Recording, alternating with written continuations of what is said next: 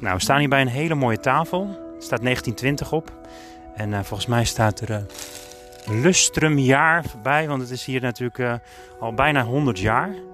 En het is een speciale plek, hè? maar naast wie sta ik? Esther van der Meer van Tuinpark Nut en Genoegen. Ja, het is echt een bijzondere plek hier. Ja, we, zijn, we bestaan al 100 jaar in Amsterdam. Een tuinpark waar mensen echt, nou ja, het is een groene oase waar mensen tot rust komen. Maar we zijn ook heel actief met bijen, met de biodiversiteit. We planten elk jaar bijvoorbeeld bollen aan. We doen de hele aanplant bijvriendelijk. Uh, zoals nu ook vandaag. Wat is bijvriendelijk volgens jou? Uh, dat je genoeg gedragplanten zorgt uh, voor bijen. Uh, en dat je geen gif gebruikt. en dat je echt verstandig aanplant voor wilde bijen en voor honingbijen.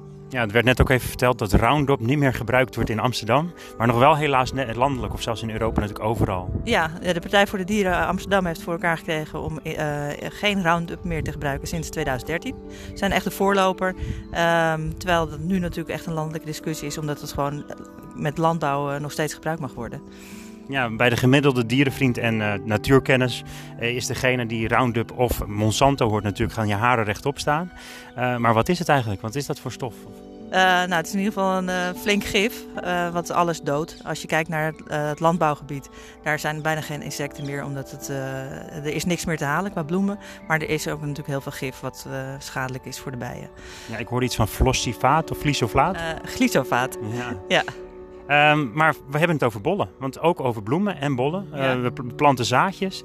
Uh, zaaien is zoomen. Uh, zaaien doet zoomen, ja. Dus uh, heel veel planten. Dus die bollen die doen we voor het voorjaar. Zodat de, de bijen die dan net uh, weer gaan vliegen, dat die alvast voedsel hebben. Um, verder kijken we dan wat er de rest van het jaar geplant kan worden. En um, bijvoorbeeld hier bijzonder is dat we een aantal bomen gaan planten.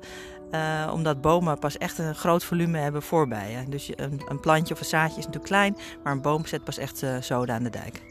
En dan is er ook nog een stichting of een organisatie die zich er echt mee bezighoudt en dan ook jaarlijks meedoet in die jaarlijkse zijdag? Um, dat is de Landelijke Zijdag, dus die is van de Bijenstichting en de Bijenvrienden. En die organiseren dat en daarom zijn er allerlei activiteiten in heel Nederland. Ja, dus de meeste mensen die ook met bijen bezighouden en bijenvriend noemen, die worden lid van die stichting waarschijnlijk. Uh, daar heb ik geen idee van eigenlijk. Uh, ja, ik heb een bollen gekocht bij de Bijenstichting bijvoorbeeld, uh, maar ik ben geen lid. En de bollen zelf, wat zijn dit voor bollen? Kun je daar iets over vertellen?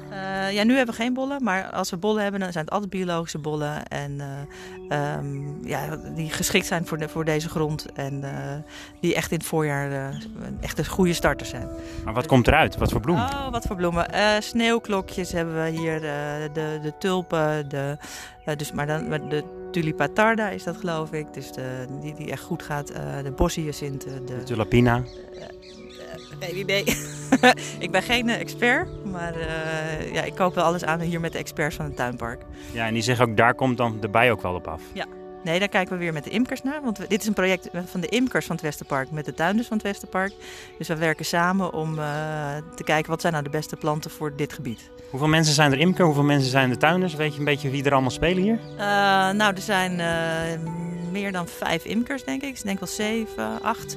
Uh, daar werken we mee samen. En dan hebben we, uh, ja, de, het zijn twee tuinparken en meer dan 600 tuinen. En best wel wat bewoners, nou ja, niet vaste bewoners meestal, maar een paar echte vaste bewoners ook hier? Uh, nou, veel vaste bewoners. Heel veel mensen die wonen hier van 1 april tot 1 oktober. Ja, na oktober dan kunnen ze de winter niet hier blijven. Dat soort dingen. nee, dat mag niet.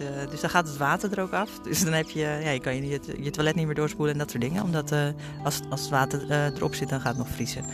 Nou is er zo'n concept dat heet tiny house. En dan kun je je eigen huis doen. Dan ga je op de regen van, het water van de regen zeg maar, leven. Ja. En dan ga je zo min mogelijk met de natuur belasten. Ja, eigenlijk zijn we hier uh, hartstikke voorloper, want die staan allemaal tiny houses. En uh, er zijn hier ook mensen die, uh, want een aantal mensen mogen wel in de winter bewonen, omdat ze dan de, het park beveiligen. En die hebben inderdaad wateropslag, zonnepanelen. Eigenlijk iedereen heeft hier zonnepanelen voor zijn eigen stroom. Dus eigenlijk staan hier 600 tiny houses. Ja, volgens mij stonden er twee, drie te koop nu. Hè? Dus is, op zich is er wel een ruimte als je een beetje geld hebt om hier te kunnen gaan wonen, maar het is wel een hele unieke plek. Het is zeker uniek en je, ja, je hebt wat wachttijd. Maar de prijzen zijn altijd schappelijk. Omdat je, het zijn geen marktwaardeprijzen. Het is gewoon wat de waarde is van uh, het huisje zelf. Ja. Ik zie hier een paar kaarten. Dit is eentje met de honing bij. En dan staat er nog eentje met de wilde bij. Um, er gebeurt hier best wel veel hè, volgens mij qua educatie. Uh, er gebeurt superveel. Dus, uh, we hebben ook kinderactiviteiten, uh, nou, heel veel van die plantactiviteiten. we hebben vorig jaar een bijenmarkt gehouden. Um, nou, en we doen ook dan veel met de buurt om de buurt bij de bijen te betrekken. vandaag is 22 april. Is toevallig de dag na 21 april. Is dat dan altijd 22 april de dag? 22 april is de dag van de aarde. En daarom organiseert Pim Lemmers het op de dag van de aarde.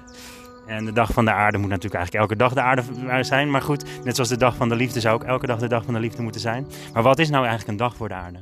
Um, ja, ik weet eigenlijk niet waar die vandaan komt. Volgens mij VN, uh, dat, uh, dat de dag van de aarde is uitgeroepen. Ja, de Europese Unie, Verenigde Naties, die, die willen natuurlijk allemaal dagen ontwikkelen waar dat mensen bewust ja. zijn.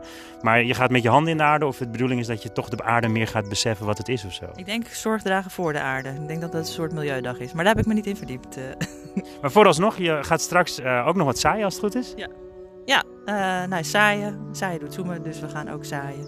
En, uh, maar vooral dus planten, want eigenlijk zaaien, dat wordt nog wel eens opgegeten door de vogels. Dus uh, wij zijn voornamelijk van de vaste aanplant. En ook planten die dus elk jaar gewoon weer opkomen. Nou, heel leuk. En we hebben net ook een zoomwave gedaan. Het ging ja. zo van zoom. Ja, die heb je heel goed ingestart. Dus, Dankjewel.